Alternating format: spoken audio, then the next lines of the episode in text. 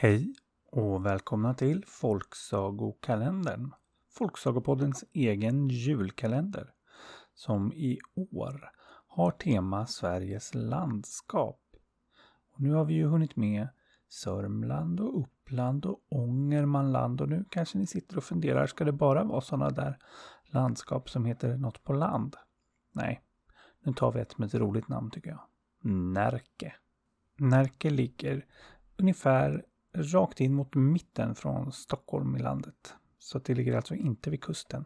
Däremot ligger det precis på den översta spetsen av Vättern. Alltså den där stora sjön. Och landskapsblomman, det är gullviva och landskapsdjuret, det är hasselmusen. Och vill man besöka någon stad i Närke kan man ta sig till till exempel Örebro eller Laxå. Eller varför inte Kumla, känt för sitt fängelse. Och dagens saga kanske mer ska betecknas som en sägen. Den handlar nämligen om någon som ska ha funnits. Nämligen den första i den adliga släkten Bonde. Men de kommer från Småland och verkar inte ha någon direkt koppling till Närke. Men ändå är den uppsamlad i Närke den här sagan. Och den var lite rolig, så jag tycker vi tar den idag. Här kommer den. Det var en gång en kung som var på jakt i skogarna kring vad vi får anta är Närke. Han hade förstås med sig ett stort jaktlag. Men hur det nu var så fick han korn på en älg som han började följa efter. Och han följde den längre och längre in i skogen och snart hade han följt den så långt att han hade kommit ifrån hela jaktlaget. Och nu började det mörkna och han började bli hungrig och törstig. Men han var visst vilse. Ja, han såg inte ens den där älgen längre och började bli lite orolig. När han plötsligt hörde en hög smäll och tänkte att det där måste ju vara jaktlaget. Så han började gå ditåt. Men det var inte jaktlaget. Istället var det en alldeles vanlig bonde han mötte. Och bonden hälsade glatt halloj halloj.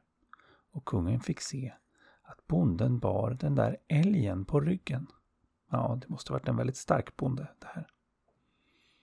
Och kungen hälsade halloj halloj. Men bonden kände förstås inte igen honom för det här var ju tiden innan det fanns bilder på kungen överallt. Fanns det någon bild var det en målning och så här ute på landet så var det inte alldeles säkert att den målningen var så lik själva kungen. Nej, så bonden han förstod förstås att det var en rik person framför honom men inte att det var självaste kungen. Så ursäkta, jag är väldigt hungrig. Du råkar inte ha någonting jag kan äta? Frågade kungen. Men det hade inte bonden, men han sa. Du kan ju få av älgen, men då måste vi hem och laga den först. Men då blev kungen lite orolig. Är, är det långt till det här hemmet? Jag är väldigt utmattad, förstår du. Och törstig. Jag klarar nog inte resa så långt.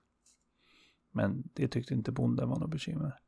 Hoppa upp på ryggen du, jag kan bära både dig och älgen. Och så kom det sig att bonden bar hem både kungen och älgen och väl hemma lagade de till älgen och det var den godaste måltiden kungen någonsin ätit. Och han fick sova över hos bonden. Och dagen efter när det var ljust igen så kunde han återigen hitta tillbaka till sitt jaktlag.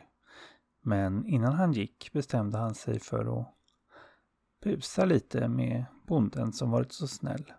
Han hade ju förstått att bonden inte känt igen honom som kungen. Eh, hörde du, vad tror du kungen säger om att du skjutit en av hans älgar förresten?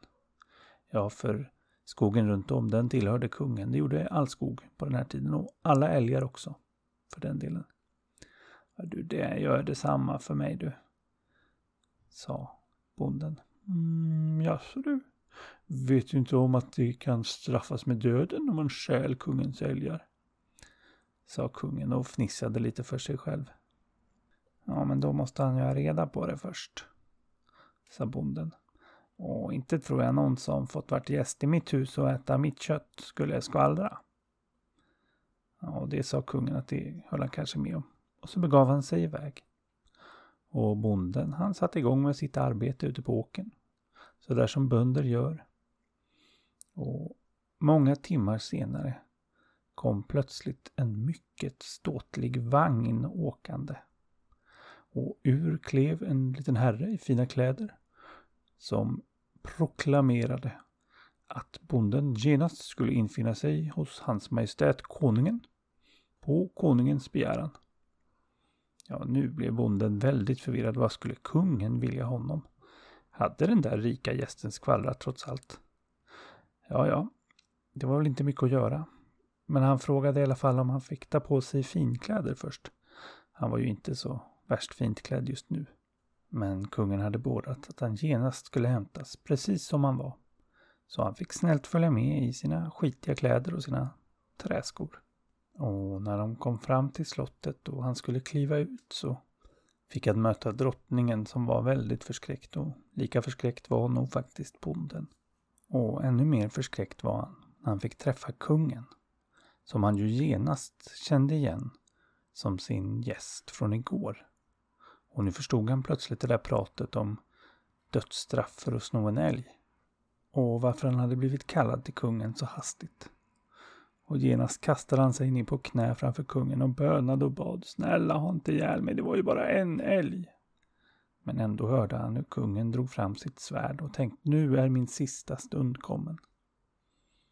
Men kungen högg inte bonden istället så la han svärdet försiktigt på bondens axel och dubbade honom till riddare för att han behandlat kungen så fint under gårdagen. Och nu blev bonden så lättad så när han skulle ställa sig upp så la han av en jätterap. Ja, han kunde inte stoppa den, den bara välde fram så det skallrade i kungens fönster. Kungen tittade mycket förvånat på honom. Rapar du din konung mitt i fejset? sa kungen. Ja, då harklade sig bonden lite och sa Ja, nu när ridligheten ska in, ja då måste ju bondeskapet flyga ut. Så det var väl det som lät. Och då skrattade kungen och sa Åhå, lite bonde verkar visst finnas kvar, så det får bli ditt namn, Riddar Bonde. Och sedan den dagen så har vi släkten Bonde.